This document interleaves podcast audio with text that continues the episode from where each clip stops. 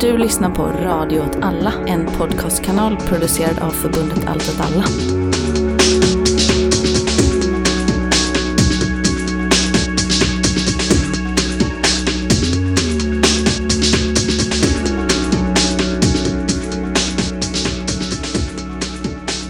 Och hej och välkomna till ett nytt avsnitt av Rekreation.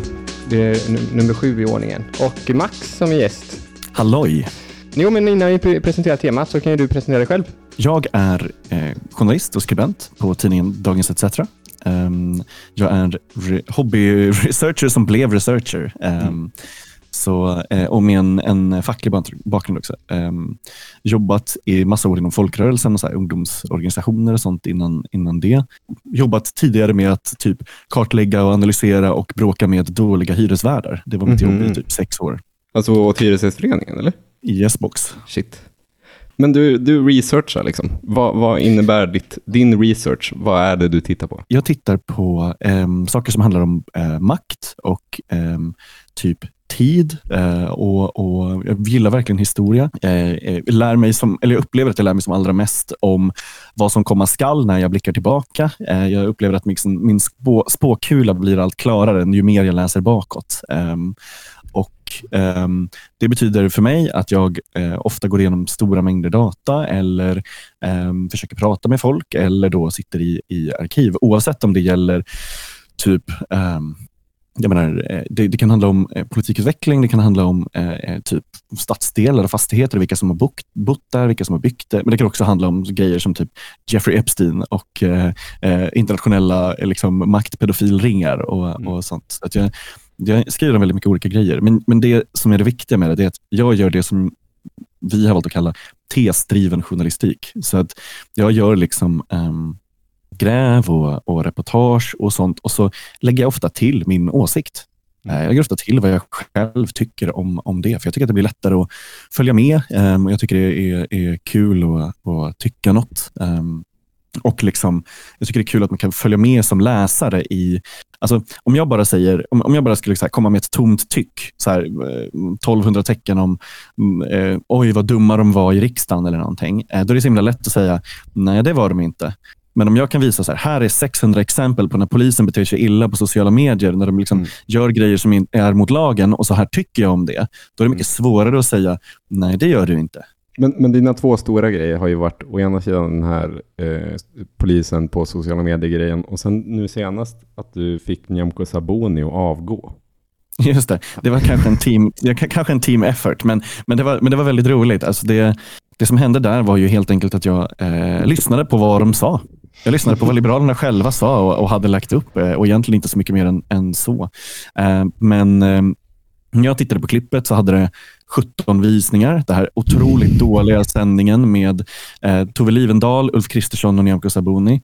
Ehm, och, Hur, hur länge hade det varit uppe? eh, det hade legat uppe i sex dagar. Det är ändå, ja, vi, vi Eh. kan återkomma till det, men det är ju fascin- det, är ju det mest fascinerande i berättelsen. Ja, verkligen. Men den hade också, alltså det hade visats, hela klippet hade visats för alla som var på Liberalernas stämma. Alltså, de, de har suttit i helgrupp i en stor jävla sal och tittat på det här 45 minuter långa klippet med, med Tove Livendal som ställer ledande frågor om småkakor.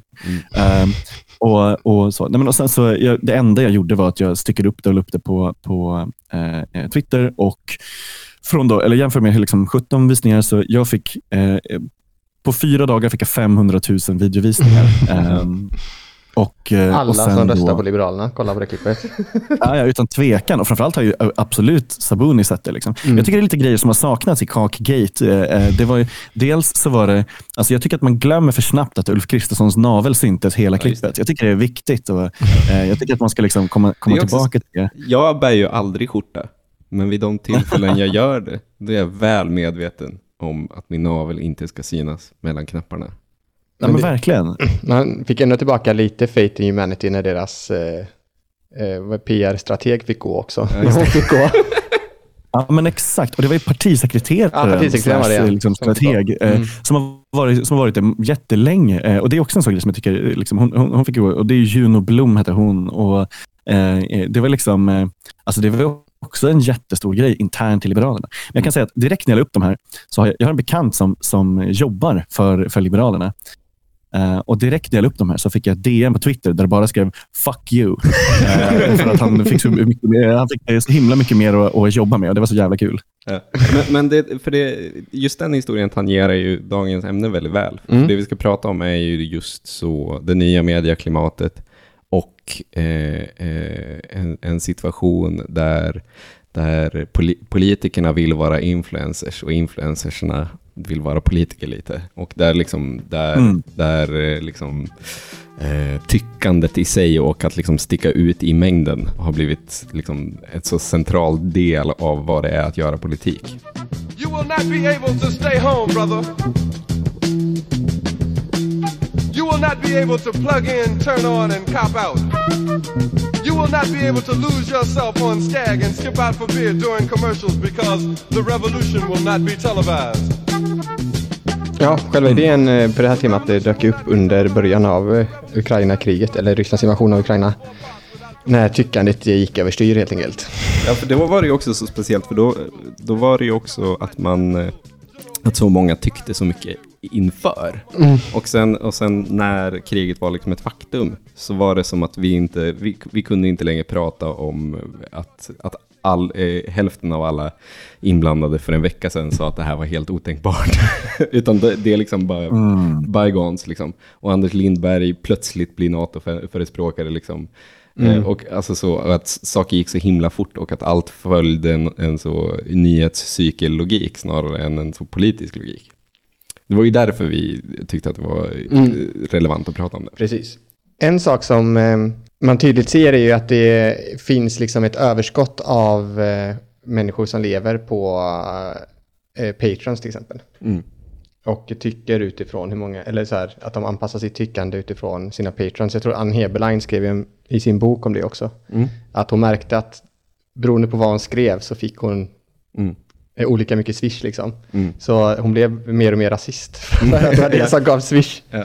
Men för det finns ju en logik, alltså, så, den behöver ju inte vara så extrem som Ann Heberlein. Liksom. Eh, utan den kan ju också bara vara, eh, det hörde jag mycket analyser om efter, eh, efter valet i USA, när Bernie Sanders förlorade och liksom hela den miljön av influencers och politiska influencers började falla isär. Eh, Så var liksom analysen att eh, i, i, i det nya medieklimatet där du är beroende av liksom direkt stöd, eh, inte en lön, eh, en så indirekt stöd via lön, utan ett direkt stöd av läsaren eller konsumenten. Att det blir så extremt viktigt då att bara alltid ha en egen take.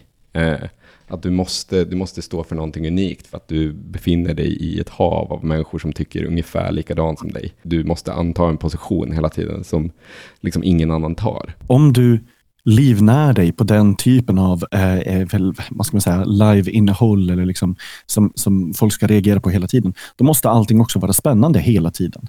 Mm. Eh, eh, för att du ska stå ut, precis som du säger. Varje kommentar måste vara ett scoop, varje mail måste vara ett gräv eh, eh, och liksom det, det måste finnas en, en eh, upprördhetskultur eh, eh, eh, kring liksom, eh, allt det du, du gör.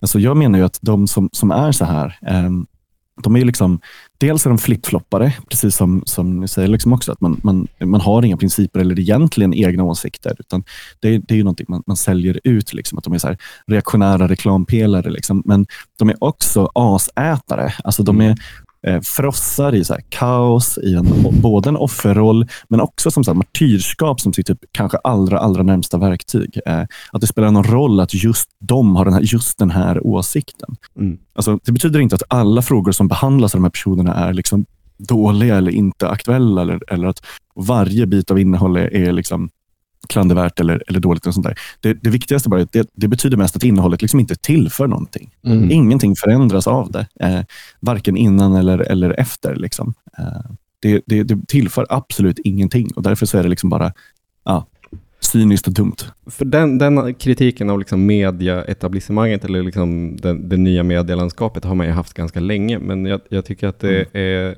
eh, och, och den har blivit mer extrem, alltså typ Anders Lindbergs flipflop vad gäller NATO är, ju ett väldigt extremt exempel. Liksom. Så den tendensen blir ju starkare och starkare. Men samtidigt så tror jag att de senaste åren så har man ju märkt väldigt tydligt just den här grejen att politiken har mer börjat anpassas för det. Gud ja. Typ att eh, Ebba Busch eh, eh, eh, blir upprörd över att hon blockerar. Till att börja med, Ebba Busch försöker gå på Elgalan. Bara steg ett. Så liksom. kul. Steg två, Ebba Busch får inte gå på Elgalan för att hon har sagt att man borde skjuta eh, ungdomar. Och sen steg tre, det gör hon content av. Liksom. Och att det, anledningen till varför det är så fel att Ebba Busch blockeras från Elgalan är för att hon skulle gå dit i en ukrainsk designad klänning. Och, och att det är liksom där, det är det som är liksom arenan vi slåss på. det, det, eh, förr i tiden så hade det kanske varit så att, att, eh, att ha på sig en specifik klänning och visa upp sig i den. Det kanske är någonting man gör om man är maktlös i brist på annat. Men om man sitter Verkligen. i ett av riksdagspartierna så hade man nog inte gjort det för att det framstår som lite småaktigt. För att du har ju faktiska maktmedel. Du måste inte bara, du kan, du kan göra något annat än att visa upp den här klänningen. Liksom. Men de vill ju också de vill ju, alltså de vill ju visa utåt att det ska verka som att de inte har någon makt. Mm. Att, Mm. att de, de får mer makt om du röstar på dem, det säger de. Men, men de vill ju liksom utåt säga att det, det, det går inte att förändra det här. Och jag menar, det där är ju exakt samma, alltså det, det är väldigt, väldigt så att svenska politiker och liksom svensk politisk kultur är just nu i alla fall är otroligt USA-tillvänd, hämtar Mm. allting från liksom andra sidan Atlanten. Och Det där är ju exakt samma som liksom Biden, han säger ja, men nu måste vi eh, eh, komma samman och, och glöm inte att rösta och för att då liksom antyda att det är det som stoppar skjutvåldet. Och Man bara, du är världens mäktigaste man. Du är, liksom, du är president i USA, men, men, men de vill ju att eh, eh, liksom, eh, du ska tänka att ingenting går att förändra eh, just nu och att om det hade gjort det, då hade de minsann gjort de förändringarna bara. Eh, Mm. Mm. det är, liksom, det, det är ju lite så här, dels för att det är lätt och dels för att det liksom är, eh, skapar någon sån sorts, sorts beroende grej. Att, eh, ja, men det, är, kanske nästa gång, kanske nästa sosseregering, kanske nästa, eh, eh, så, så går det minsann. Men men det är ju också att man har eh, avpolitiserat makten helt. Liksom. För det är ju samma sak med Verkligen. sossarna, att de säger så här, vi styr nu, det är skitbra att vi styr. Men det är inte vårt fel att vi styr på den här politiken, för det är inte vår politik, men det är skitbra att vi styr. Och det känns som att det, det är nära besläktat med eh, det man kallar postpolitik. Verkligen.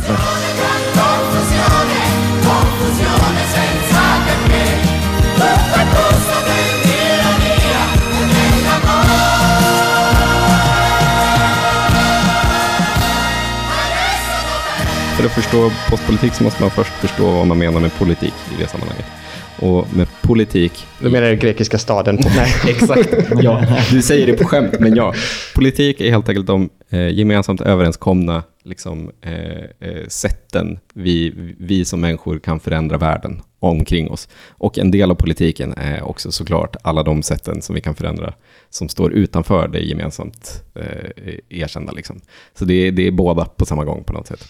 Men, men politik är helt enkelt någon typ av spelregler. Alltså det är så, eh, en, en offentlighet som har vissa liksom, eh, sätt att fungera. Det är så här det, det ska gå till. Så under medeltiden så var politiken kanske att man eh, eh, gick till kungen och bad om en tjänst och sen gav kungen den tjänsten till en om man ville.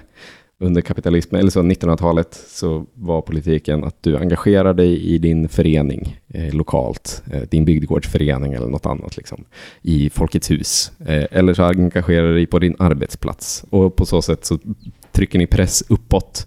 Eh, det går genom arbetarrörelsen in till arbetarrörelsens eh, representant i riksdagen, alltså Socialdemokraterna.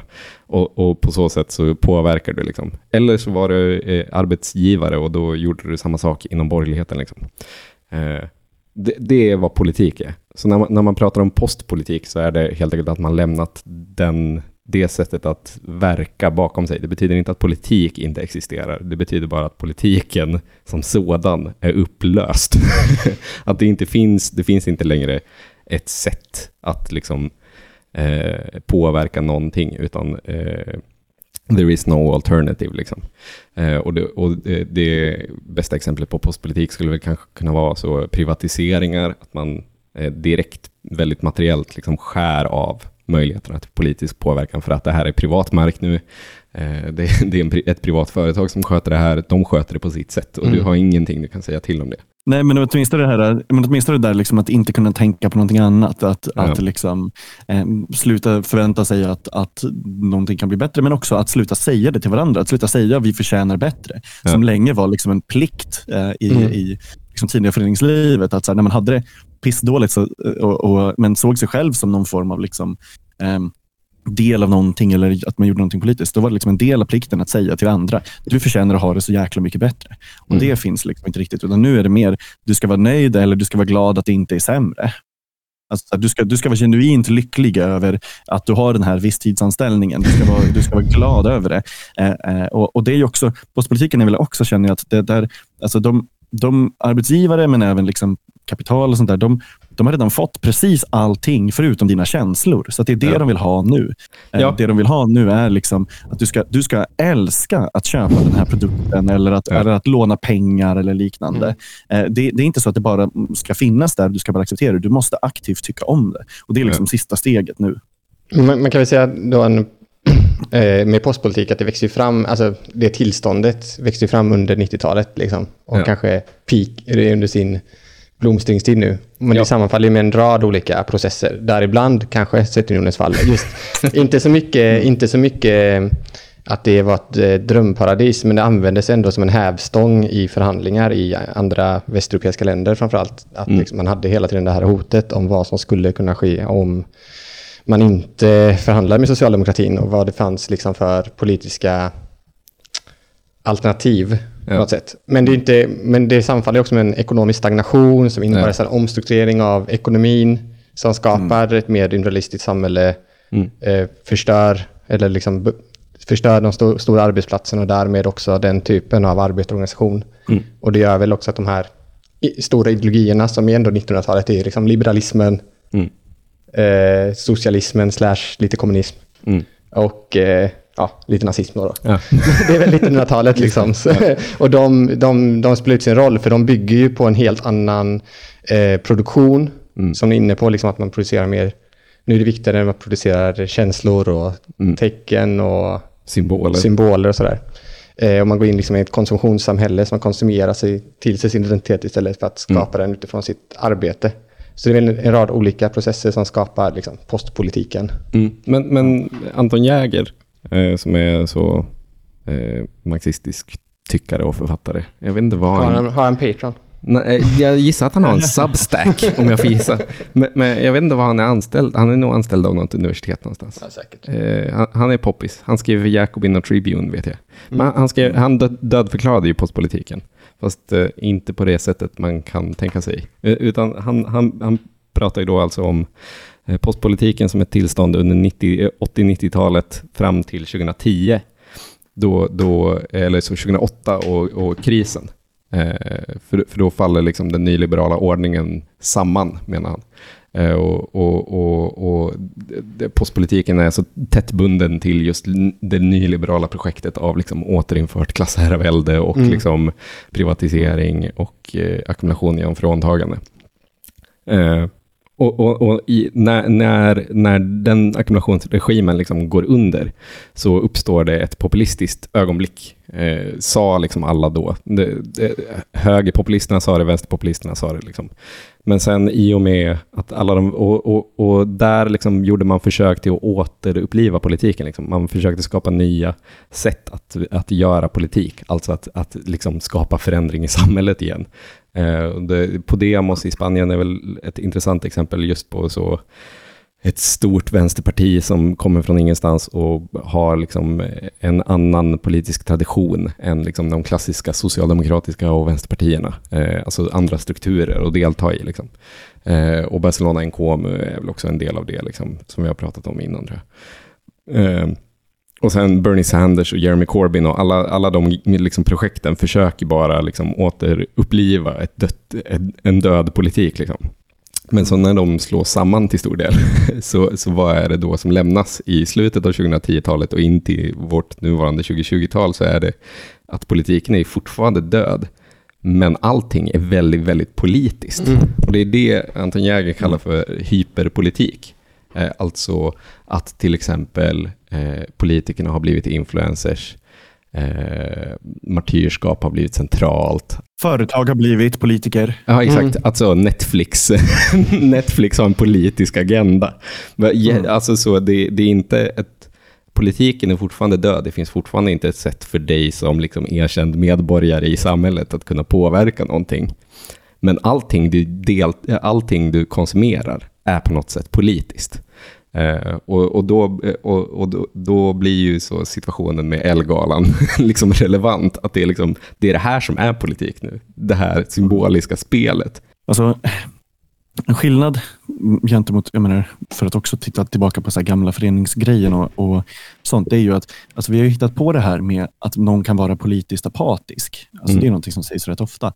Men, men exakt samma sätt hade ju bara, alltså exakt samma liksom tillstånd hade ju bara för några år sedan beskrivits som oorganiserad. Mm. Um, och, det, och Det är också lite liksom, eh, eh, samma del av det här att eftersom man inte ser några kollektiva strukturer så är även då de som, de som inte är i det, de som inte vill förändra politiskt eller de som inte eh, kan eller, eller vad som, de ses som nästan förlorade. Mm. Uh, alltså, det finns inga partier som har strategier för att få fler att rösta till exempel. Det finns inte. Nej. Nej. Och sen när partiet Nyans till exempel bildas, som också är en så hyperpolitisk uppfinning såklart, eh, så är folks, folks oro kring det är att shit, de här kanske kommer få folk att börja rösta. det, är inte, det, det, är inte, de kommer inte, det är ingen som tror att de kommer ta väljare från någonstans, utan det är bara så här kommer det en skräckinjagande organism som eventuellt kan få de här apatiska människorna att sluta vara apatiska. Vilken mardröm. verkligen. verkligen door. Somebody's ringing the bell. Someone's knocking at the door. Somebody's ringing the bell. Me a favor, open the door. Men så vi, vi är liksom i den här, den här fruktansvärda tillståndet av, ett, eh, av en hyperpolitisk tillvaro där vi har olika influencers som kräver pengar av oss för att ha meningslösa ställningstaganden på eller galor eller göra mm. liksom... Och allting vi gör politiskt är, och tolkas också bara som ja. symboliskt. Ja, och precis. är ju i huvudsak, alltså så, det, det är skådespelsamhället fast gånger hundra liksom. Mm. Mm, mm, mm. och då är frågan, vad fan ska vi göra då? Ja, alltså... Som vänster i det här. För problemet, eller om man tittar på typ eh, vänstermedias utveckling under i alla fall 90-talet så har ju vänstern haft en stor tradition av att skapa mot eh, offentlighet i form av egna tidningar. Varje parti, fackförening, mm. organisation hade liksom... Precis, hade, en, hade en, eh, en tidning de var mycket stolta över som kanske inte jättemånga läste, men som gick runt på grund av presstöd. Och, då, och senare så kom ju internet och Sverige var ju väldigt tidiga med att ha liksom väl tillgång till internet och vänstern i Sverige var ju väldigt snabba på att plocka upp den bollen. Mm. Vi hade Gälla.net, Indymedia mm. och de här var liksom ganska stora aktörer ändå och satte liksom dagordningen i den vanliga pressen. Ja. Men sen hände mm. någonting 2009 ja, men det... och framåt när social media kommer och vänstern typ utraderas egentligen från, ja. från det offentliga rummet som internet är.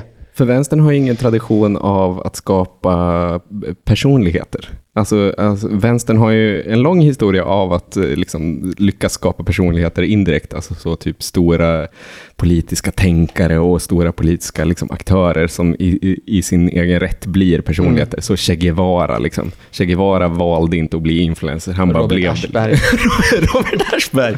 Eh, men, men, men, så, men vi har ingen tradition av att faktiskt liksom, bygga, bygga varumärken eh, på det sättet som till exempel högern har. Nej, men verkligen. Men också då att de som kanske mer haft en roll som organisatörer, eller så, det, det föll ju platt för att det var så jävla svårt och, och på olika sätt. Liksom, och, och, och, så, även om liksom, eller så här, man, man, kanske lyckades ha sina forum, men det fick inte någon effekt eh, utanför det. Liksom. Nej, det blev mycket mer isolerat i, i det. Men Alla som, som, vill som, att socialism.nu ska återuppstå, ni har fel. det är allt jag säga om saken. Verkligen. verkligen. Nej, men, och, och, sen också, så, alltså det som faktiskt funkade, då, det som, eller de få liksom, eh, ska man säga, vänsterprofilerna eller, eller något sånt som, som faktiskt lyckades hitta sin väg i, i det där även i Sverige, det är ju de som kanske tidigare hade beskrivits som agitörer, liksom agitatörer, alltså, alltså, som jobbar med agitation. Liksom, mm. och, och, och, och, den typen av liksom, eh, brandfacklor-grejer, det, det är ju det som har fått fotfäste. Liksom. Eh, eh, och typ så här, retsamma vänsterkonton är de största. typ. Eh, mm. Eh, och, och sånt. Så de hittade ju det för att det var, det var liksom närmare, eller de, de behövde förändra mindre. Liksom. Mm. Mm. Um, och, eh, och att de också kan driva med liksom, det här växande upprördhet som är liksom, bränslet på det. Eh, det är de enda som är liksom, ordentliga, tydliga enskilda profiler. Samtidigt så finns det också en eh, enorm potential, tänker jag, i det nya, eh, i det nya tillståndet på något sätt. Eller mm. också när, liksom när alla hade Facebook så var det ändå helt plötsligt kunde vem som helst vara en politisk organisatör. Mm. Mm. För det fanns liksom och då är ju ingen, menar jag, alltså så här, det, det, är det där, det är det där eh, eh, samma, så här, om, man, om man har en förening eller någonting som ska syssla med allt så sysslar den med inget. Liksom. Mm. Um. Men det var ändå så att man kunde på något sätt dra ihop ganska mycket människor i, i, i liksom olika proteströrelser. Man kunde liksom få ett ganska stort genomslag. Ni minns väl när folk skrev så här långa Facebook-uppdateringar och sen blev det en artikel på Aftonbladet. Ja, just det. Eh, Senaste nytt på Twitter. ja, men det var ofta så Facebook. Nu, nu, så. Men eh, då kunde man ju också gå in på något sätt som egen, i egenskap av person bara, utan ja. en organisation i ryggen och vara en del av liksom, det politiska samtalet i alla fall. Mm. Eh, och, det väl, och, det kan man väl se lite nu också om man tittar på det som är influencers idag. Så är de, det, det är de som på något sätt, de får ju en, en följarskara. På det blir på något sätt en politisk rörelse. Alltså om man tittar på Mm. Vad heter han, eh, galningen med skottsäker väst som springer runt? Eh, Joakim eh, Lamotte. Lamotte. Ah, Lamotte och hans... Hot Lamotte. Precis, Hot Lamotte och hans gang. Liksom. Han har ju ändå en svans som blir som en politisk rörelse där han formar Absolut. deras världsbild och sådär. Så det finns ju också en enorm potential att helt plötsligt bryta in eh, i människors vardag som kanske inte hade kunnat nå på samma sätt om man var den här klassiska 1900-talsorganisationen. Mm.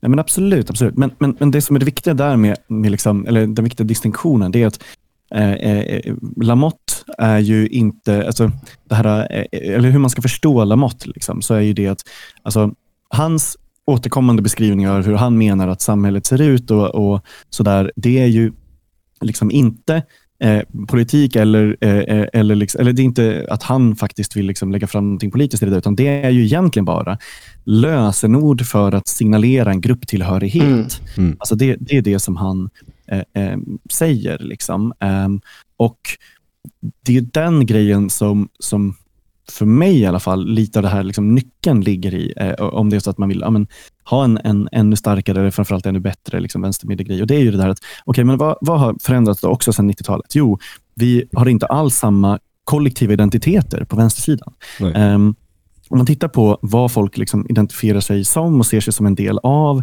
eh, alltså så här, vilka band man ser mellan sig själv och, och, andra, så finns det ju ett solklart exempel som har liksom, ja, men i princip helt utraderats, men som var väldigt, väldigt starkt bara för, länge eller bara för alldeles nyss. Och Det var ju arbetare.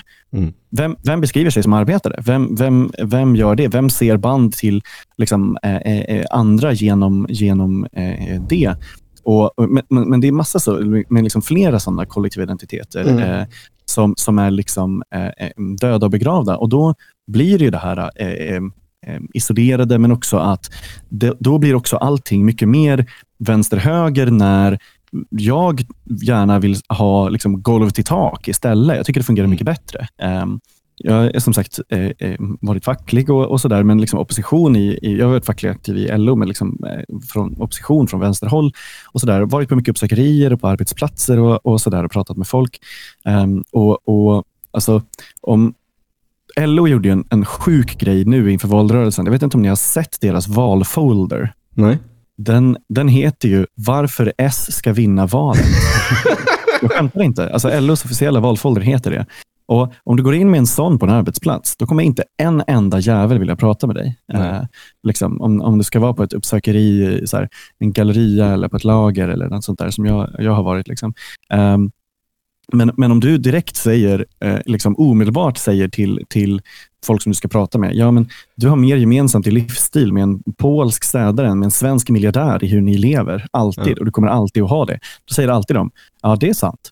Och ja. om, man sen, om man sen då också säger, liksom, ja, men, säg att eh, vi gör som högerpartierna vill, vi stoppar all invandring nu omedelbart eh, eh, och vi skickar hem allihopa. Och, och så säger man till dem så här, men eh, tror du att det här kommer att göra, säg att vi sparar pengar på det, tror du att det här kommer göra att liksom högern magiskt vill investera i välfärd och bostäder? Här, tror du att, de vill, men tror du att liksom den stoppade invandringen magiskt kommer göra att någon vill bygga ett nytt miljonprogram eller, eller något mm. sånt där? Och då säger nästan alla människor nej och då har de tagit ett steg närmare i att prata så om vad vi har gemensamt istället. Typ.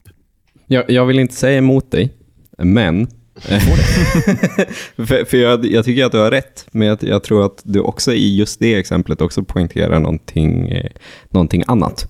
Och det är mm. att eh, mycket av den mobiliserande kraften kanske från eh, pop, högerpopulismen, men, eh, men också liksom typ eh, helt vanlig borgerlighet i Sverige idag är negativ solidaritet. Ja, men absolut. Eh, absolut. Och, och om du då säger så, eh, okej, okay, men du tror att vi sparar pengar på att, att skära ner i invandringen. Det tror till exempel inte jag, eh, för att jag tror inte att det är så ekonomi fungerar. Eh, du, du, tror det, tror du då att högen magiskt kommer vilja investera det i, i sjukvård? Då, och då säger de nej.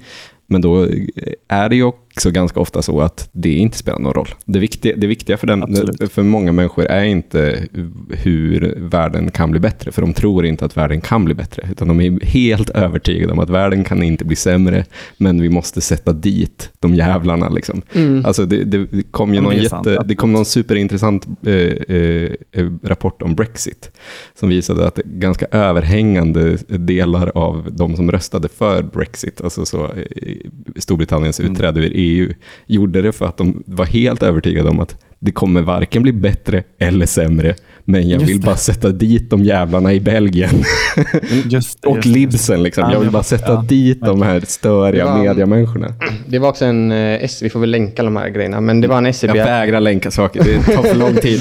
det var en DN... aldrig hänvisa mina, eller jag kommer aldrig redovisa mina källor. aldrig. Aldrig. Det var en DN-artikel i alla fall om hur arbetarväljare skulle rösta i valet mm. från SCB. Och så kom de fram till att eh, Sverigedemokraterna har störst andel arbetarväljare. Mm. Eh, men, men så det är väl också så, en del av det här. Men då sa de, SCB också att det var skitsvårt att undersöka, eller om det var Göteborgs universitet, eh, om folk har arbetarbakgrund, för alla vill ha arbetarbakgrund. Ja, just det.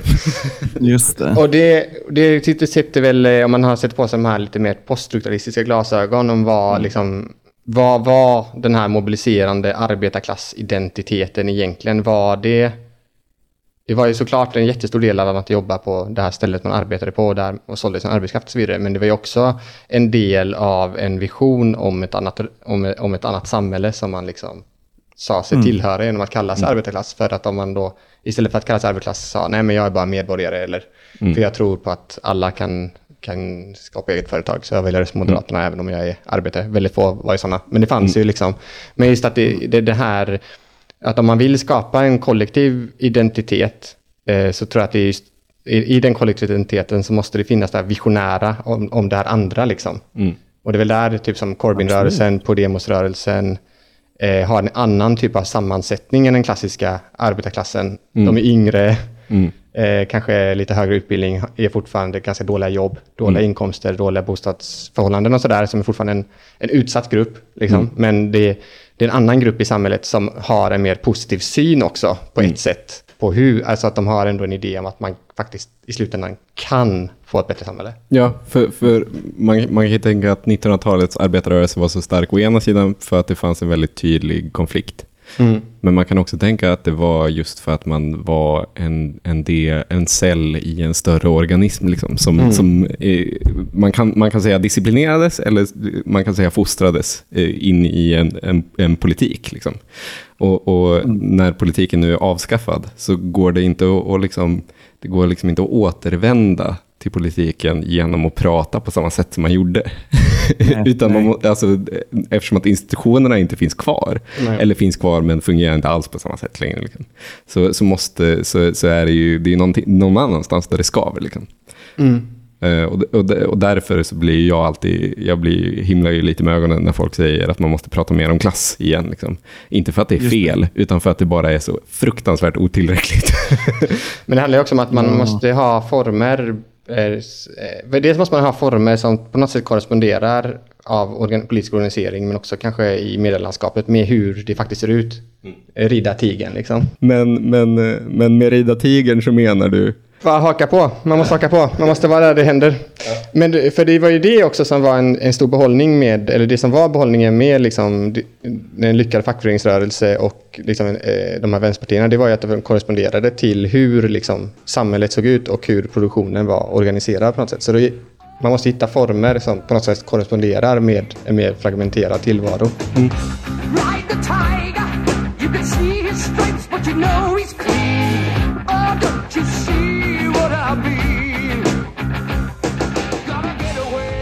Och, då, då och där jag... vill jag återigen då slå ett slag för de här influencerna. ja, ja, absolut. Och jag, jag tänker att vi återkommer till det. Ja. För, för att, eh, då, då kan man ju tänka, om man befinner sig i en hyperpolitisk era och man vill rida den tigern, men man vill, inte, man vill heller inte liksom ställa upp på dess egentliga premisser. Nej. Hur fan gör man då? Mm. Eh, alla vi tre gör ju det lite. Max, ja. du är journalist. Eh, eh, du har en Twitch-kanal där du livesänder dig själv. Du är, du är liksom... Eh, du uppfyller alla objektiva kriterier för att vara en influencer. eh, som, som sysslar med symbolisk, symboliska handlingar. Alltså, du, din, din politik är att du hänger ut politiker för det de själva säger. Det frams, exakt. Jag alltså, lyssnar på vad de faktiskt säger och presenterar det. Exakt. exakt. det, och, och, och, och, Dumma mig. Å, å, andra si, å, andra sidan kan man också se det som att det du gör är att du eh, eh visar upp hyperpolitiken. Alltså, mm, alltså man kan ju tänka på, på olika ja. sätt. Men, men hur, hur förhåller du dig till din egen position i, i det här konstiga medielandskapet och den här konstiga postpolitiska eran? Liksom? Mm. Ja, men först, det, det, det, är väldigt intressant. Eh, men först så, så Eh, eh, eh, länge så gjorde jag ju det här utan att få en spänn betalt. Det. det är en sån grej som liksom också, jag, menar, jag gjorde det för att jag tycker det är kul. Mm. Eh, för, att jag, för att jag själv skrattar och, och tycker det är skoj att liksom, eh, eh, titta på sopor och lyssna på sopor. Liksom, och, och mm. så. och sådär. Så det, men, men däremot, jag menar, man kan väl säga att jag i den månen har liksom twittrat, twittrat mig till eller skrivit mig till ett jobb liksom, mm. um, som, som sen eh, funkar. Men, men där har jag också, så här, jag menar på Twitch-kanalen, när jag sänder live, som jag gör oftast två gånger i veckan, um, då startar jag varje sändning med att omedelbart säga att här pratar vi bara om det som jag bokstavligen vill prata om. Det är liksom mm. bara det som jag tycker jag har sett och tycker är kul och, och, och sånt. Och Sen så försöker jag Alltså, om jag ser på min egen roll så, så försöker jag dels alltid vara tydlig med liksom, eh, eh, när, jag väl, alltså när jag pratar om makt och peka ut vart den makten är i det innehållet. Liksom vem det är som faktiskt gör någonting i det här. Jag menar, jag, jag, det finns massa så här tokgalna rassar som har typ fem följare och, och bor i Strängnäs och inte har någon makt. Och Det tycker mm. inte jag är lika kul att titta på eller göra någon grej av. Det spelar liksom inte så stor roll för mig. Eh, eh, och, och, så. Men Sen försöker jag också vara tydlig med eh, eh, vad jag tycker om de frågorna. Många sådana influencers är ju så här, bara visa upp det och säga, vad tycker ni? Eh, mm, jag, jag säger ju själv vad jag, vad jag tycker och, och, sånt om det. Och jag försöker peka ut fiender. Mm.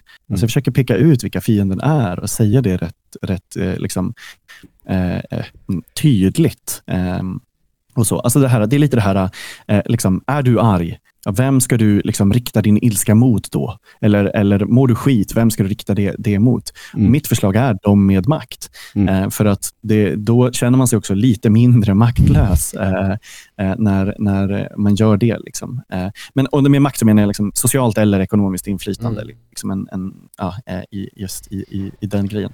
Um, jag har också en genomgående grej att jag försöker alltid Alltså, jag försöker visa men liksom, eh, vad ska man kalla det, solidaritet eller, eller, eh, eller bara att inte gå på lika hårt de individerna som liksom ändå inte är en nyckel för att förändra mm, problemen man upplever. Alltså, mm. eh, eh, mm, ja, det, det, tycker inte jag spelar så stor eh, eh, roll. Typ som Högern älskar att göra det. De älskar att gråta över varenda, liksom, varenda transperson med rosa hår som säger någonting dumt som, inte, mm. som de liksom inte gillar. gör de jättelånga inslag om. och liksom, mm. Eh, eh, eh, tycker, det, tycker det är askul. Liksom. Um, men, men eh, ja, det, det, det, är liksom tvärtom mot det som, som jag vill göra. Sen så tror jag också att, ja, det, jag tror också bara som en sån grej också, att jag tror att alltså, eh, negativa eller liksom, eh, lite sådana svårare eller, eller, eller liksom, eh, hårdare interaktioner eh, är inte det som jag heller liksom, eh, egentligen söker. Jag söker inte att massa folk ska bli typ arga av mitt innehåll eller något sånt där. Utan jag, jag, ty jag, ja, jag tycker att man, man mår så jävla dåligt över, över massa andra grejer också. Så att jag, Eh, mest så försöker jag be om någons... Liksom jag försöker säga så här, eh, jag, nu, just nu ber jag om din uppmärksamhet. Just nu vill jag att du ska bry dig om någonting och då vill jag också säga vart den känslan ska ta vägen någon, någonstans. Vad det är för mål och, och sådär. För att jag ser det som att vi liksom aldrig kan, kan vinna, om man ska använda något stort begrepp, genom att bara erbjuda folk att bli uppjagade. Eh, mm. Eh, det, så det, vill jag, det är liksom inte det som jag vill, vill göra. För jag, jag tror att många just in, under 2010-talet blev ju väldigt avundsjuka på liksom högerns media, liksom, svung. Alltså så avpixlat kommer, motkraft går under, gela går under, vänstern tappar eh, mark överallt liksom, vad gäller liksom, internet.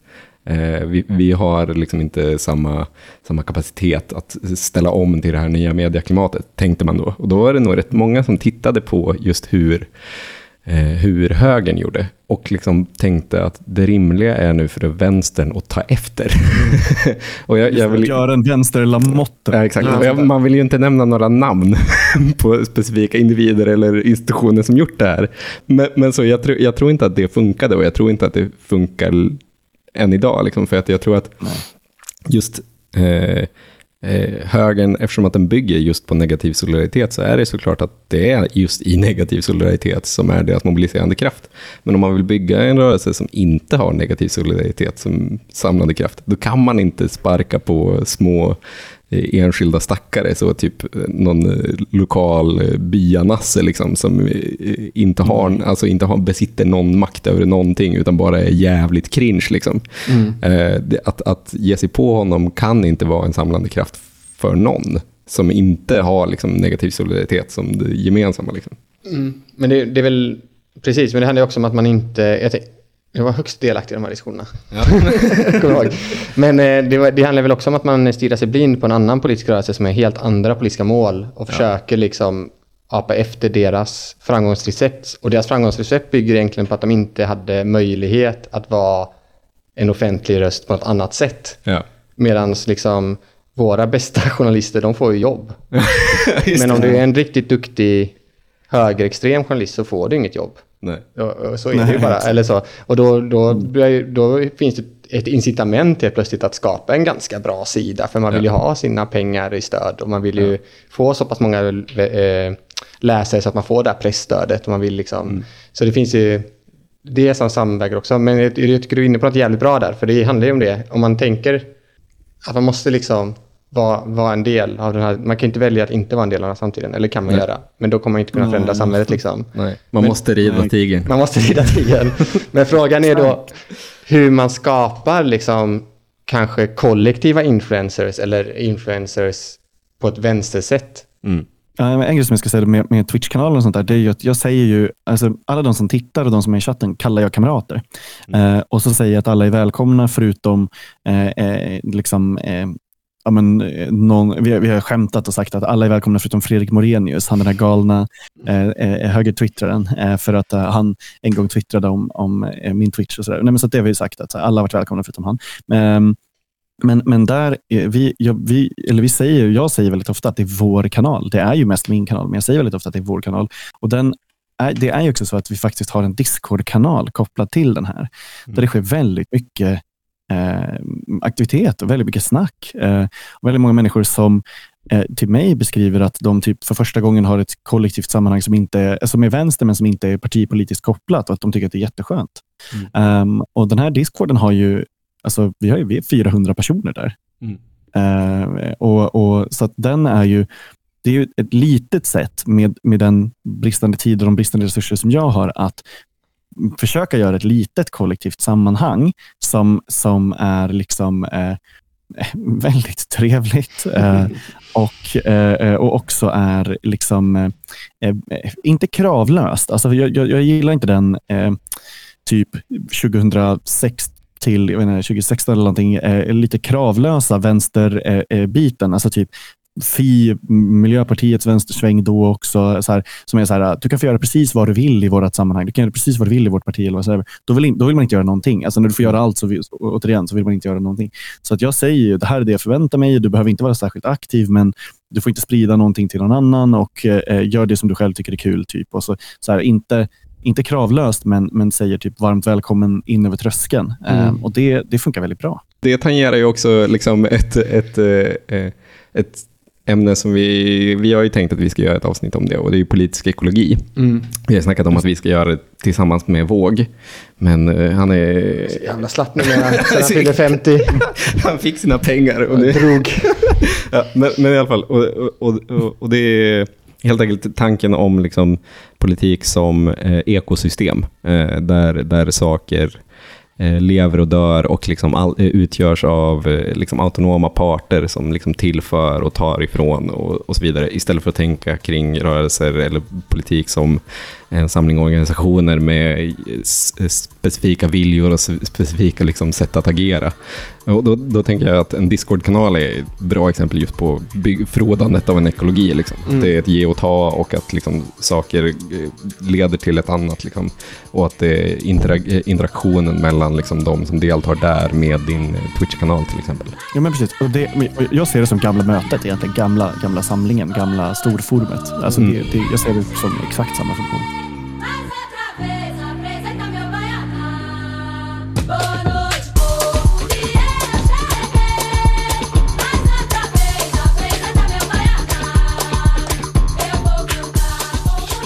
Jag, jag pratade ju kort om det, om den amerikanska vänstern. Liksom. Jag kan prata lite mer om det. Alltså att det som hände var ju, med Bernie Sanders-rörelsen är ju att det kommer en vänster, inte från ingenstans, men typ ish liksom. Eh, och den skapar eh, ett gäng väldigt, väldigt profilerade liksom, eh, influencers. Eh, mm. Vissa av dem eh, inom politiken. Alltså så typ eh, AOC är väl en så klassiskt bra exempel på någon som liksom byggt politisk karriär på att vara influencer. Och hon är ju skitduktig liksom. Eh, och, och, och sen massa andra människor som liksom inom Bernie Sanders-kampanjen, men också utanför den, bygger liksom små media-imperium. Så Chapo Trap. House, liksom Brianna Joy Gray och Virgil Texas, eller vad fan. Alla heter saker som, in, som inte låter som namn. Eh, de, är bara, de är bara amerikaner. det är bara helt vanliga amerikaner. Eh, Verkligen. Eh, och, och sen när, när, när de förlorar valet 2016, då, då återsamlar de sig de tänker 2020, då kör vi igen. Och så, och så pågår det liksom. Och sen är det Black Lives Matters, det är allt möjligt liksom. Så 2020 förlorar en gång till. Och vad händer då? Jo, det, alltså, stora delar av de här liksom, uppbyggda profilerna skapar ett inbördeskrig. Just eftersom att för dem, så, eh, eh, för då var det liksom, den politiska liksom, sammanhanget var liksom stukat. Det enda som mm. fanns kvar var just de här eh, influencersen och liksom deras, eh, och de var då beroende just av den här grejen av att behöva ha en egen take, vara unik, sticka ut liksom. Så då började de liksom göra takes mot varandra och så var det, och så var det över liksom. Och nu är det liksom spillrorna av det, men spillrorna av det är ganska nice. Så min, min, min tagning, min, för nu är det så en rekordstor facklig organisering i USA. De här, de här medieprofilerna har försvunnit ut i sina egna liksom, små zoner. Eh, min tagning är ju att man liksom inte riktigt kan stoppa det. Eh, alltså när man har medvind så kommer det alltid ansluta sig folk som kommer liksom ta för sig och liksom bygga upp sig själva och med det också bygga upp liksom sammanhanget. Och sen kommer de försvinna ut och det finns inte så mycket man kan göra åt det. De, de fyller en viktig funktion i det. Liksom. Man kan inte tänka för mycket på, på liksom de, de farliga egenheterna med det. Det här kan balla ur. Och jag tänker att det är lite samma man kan tänka kring liksom politik i Sverige, för det är relativt ofta som det kommer upp ett så uppsving, typ Black Lives Matters i Sverige är ett bra exempel. När, när den organiserade vänstern bara var så, shit, det, vi håller bara på att tas över av diverse influencers. Det, de kommer i, styra upp de här demonstrationerna helt själva. Det finns inget demokratiska mandat någonstans. Eh, och så blev man väldigt skeptisk och liksom orolig. Men jag tror ju att det bara är en smäll man får ta. Alltså jag tror, att, jag, jag tror inte det går att undvika. Liksom. Nej, men jag tror också att de eh, rasen kommer ske oftare eftersom alla händelser har blivit så mycket efter, eftersom liksom vi har ett ekonomiskt system på något sätt som mm, skapar värde genom att hela tiden inhägna livsrum och skapa nya mm. liv, liv, eh, livsformer, liksom skapa nya mm, grupper av människor som kan konsumera, skapa det här inhägnandet som egentligen mm. pågår, men också liksom att man förintar gamla identiteter och skapar nya. Och det är mm. det som liksom kapitalismen frodas på. Mm. Och det gör ju också att de här händelserna sker med sånt raskt tempo. Ja. Så jag menar, typ alla är ju liksom, nu är liksom Ukraina-kriget över, inom citationstecken. Ja. Det pågår ju för fullt verkligen. men, det är, men i det allmänna medvetandet så är det liksom som ja. bortblåst på något sätt. Ja. Och BLM i Sverige var typ en vecka. Mm miljön håller på att liksom helt implodera. Vi håller liksom, just nu håller vi på att gå under, men det är liksom ingen som bryr sig om det. Mm. Men då är också frågan hur mycket det är en generationell fråga, hur mycket det är vi mm. 80-90-talisterna mm. som är mest skadade av det här, eller om det är så. För om man tittar på typ deltagarna från Fridays for Future som ändå i en väldigt stor demonstration. Liksom. Mm. Det är en, en demonstration som går, inte varje vecka, men väldigt frekvent med väldigt många deltagare. Mm. Och de är yngre än 80-90-talister eller jättegamla. Mm. Men så frågan är hur mycket det är bara vår generation som är helt fucked. Liksom. Mm. Bara korta nyhetscykler. Ja, precis, för att vi, vi är så förstörda. Ja, liksom. Men det var ju den artikeln jag skickade till Kalle också som jag blev så, wow, eld och lagren jag läste, det var Greta Thurfjell som skrev en i DN.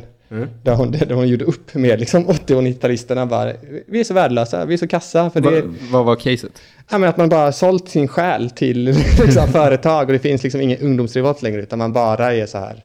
Eh, det enda sättet att liksom befria sig själv i att eh, sälja sin själ. Mm. Så att hon var så upprörd på typ Liv Strömquist som hade sålt sig till någon reklam. och så var hon så upprörd på alla som försvarar det för att vara så här Ja. empowerment och sånt. Och jag tänker att det ändå är ganska gener- generationellt också. Ja. Att det är liksom, det är ett tidsspann tror jag på något sätt.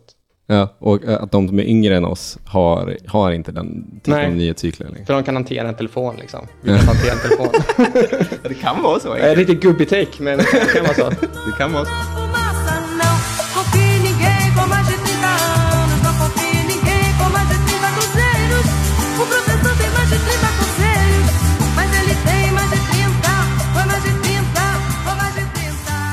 Om vi, om vi tänker att, att vi, att vi har, har det här hyperpolitiska politiska klim- klimatet liksom, där, där allting är medialiserat. Allting, va- varje enskild händelse är, är helt avgörande i stunden men försvinner efter en vecka. Liksom. Hur, hur ska man hantera det? Ska man, ska man hantera det genom att hoppa på varenda boll?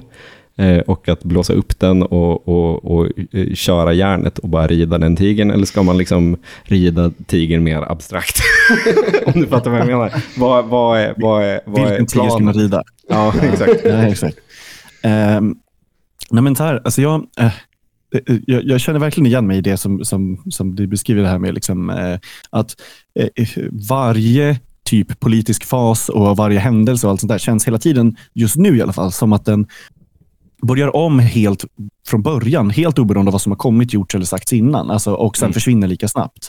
Ehm, och Det gör att det är jättesvårt att, att minnas att eh, det finns nästan inga, så här, vi pratat kollektiva identiteter, men det finns också nästan inga kollektiva historieskrivningar. Alla ser olika på, på grejerna som händer och, och eh, eh, typ så här, menar, om kriget i Ukraina kommer definitivt vara så, men även typ pandemi och, och, och sånt där. Och Jag tror att det är omöjligt att liksom eh, laga något eller bygga något när allting alltid är helt nytt.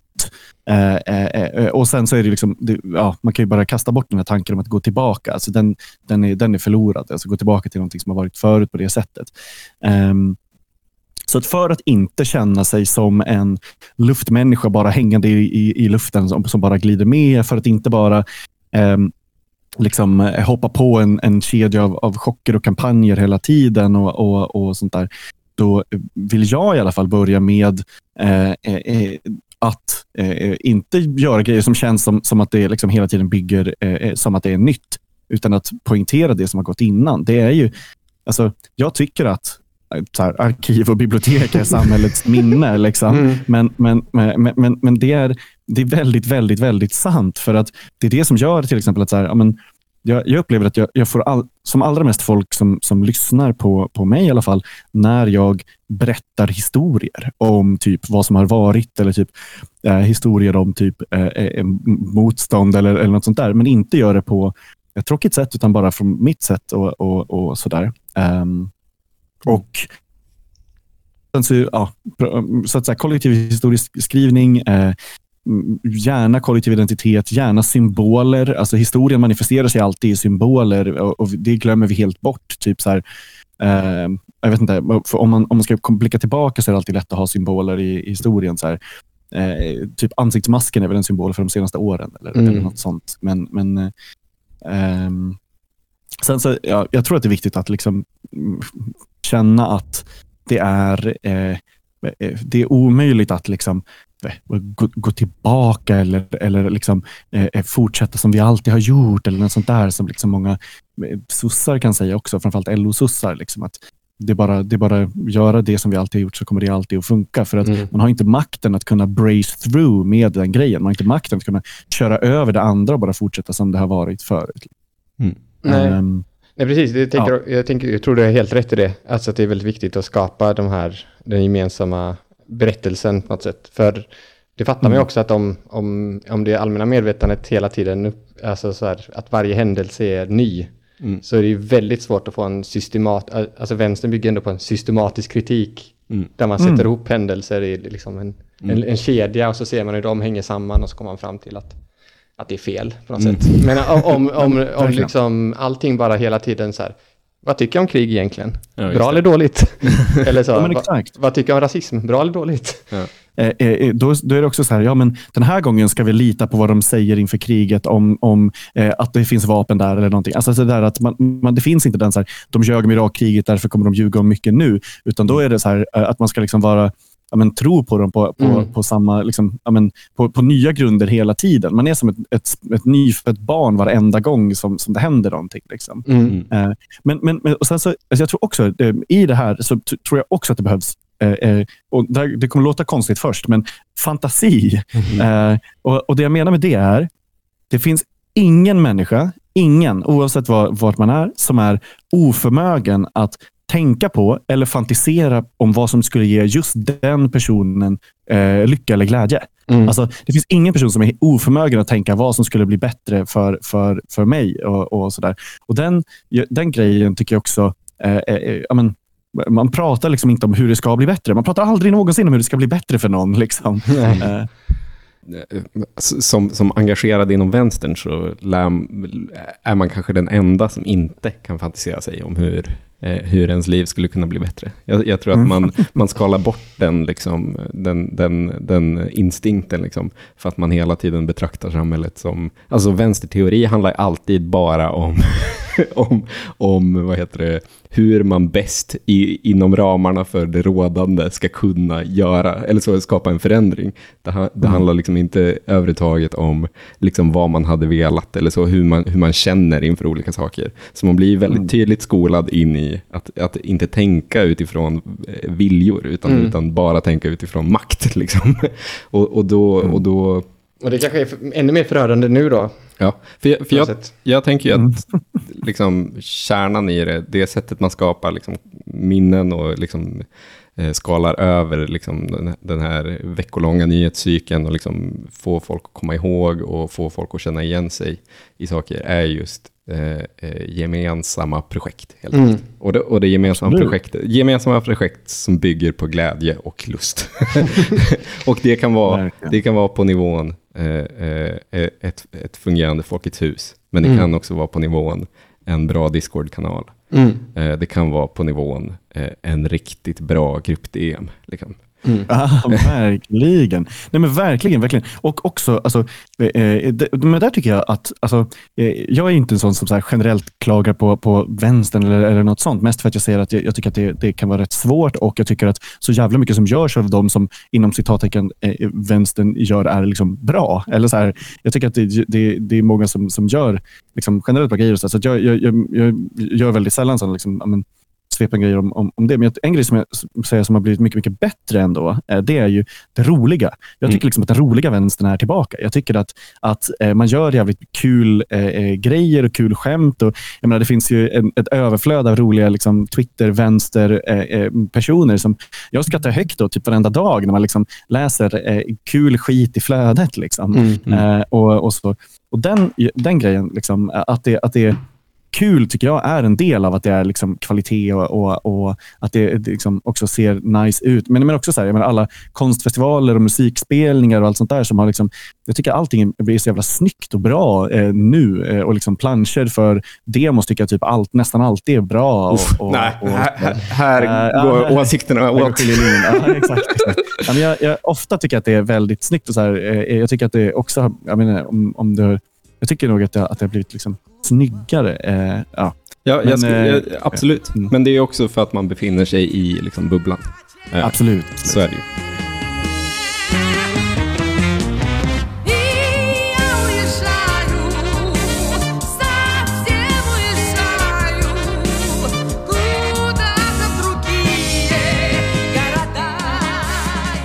Så om vi ska avrunda här så att eh, Kalle kan hålla på med lite nyliberal self-care i form av gym, eh, gym så, Ja, bra. så kan man väl då eh, kanske ha ett medskick till eh, lyssnarna. Att det handlar om att skapa en ekologi Ja, av roliga öar. ja. Och, Där glädjen och kreativiteten får flöda. Och Max Ja. borde få göra reklam för sig själv, Ja. för att han är influencer. Gör, vart ska man swisha? exakt. exakt, exakt. Nej, och där är ju det, alltså det där är så jävla konstigt. Ni vet att man kan ju skänka pengar på Twitch. Och jag har ju noll liksom, premiuminnehåll, eller vad man ska säga. Liksom. Det, eh, jag har ju ingenting man får om man, om man väljer att liksom, prenumerera på, på Twitch. Eh, och Det är dessutom inte pengar som jag vill ha. För grejen är att folk gör det här ju ändå. Även fast de inte får någonting så gör de det. Så att jag, jag får mellan 800 och 1600 kronor i månaden på att folk gör det här på Twitch. Men så det vi har gjort då, det är att vi har gjort en grej av det. Så vi har i slutet av varje månad eh, hållit en omröstning om vart man ska skänka pengarna. Eh, så peng, peng, eh, pengarna har gått eh, till så här, eh, vänstergrupper i Ukraina, det har gått till transvård i USA. Eh, totalt har vi skänkt över 10 000 spänn eh, sen, eh, sen jag började liksom, eh, eh, streama. ehm, och, och sådär. Men då håller vi en, en öppen Mentimeter-omröstning på stream. Eh, Fett. där liksom folk får, får göra det.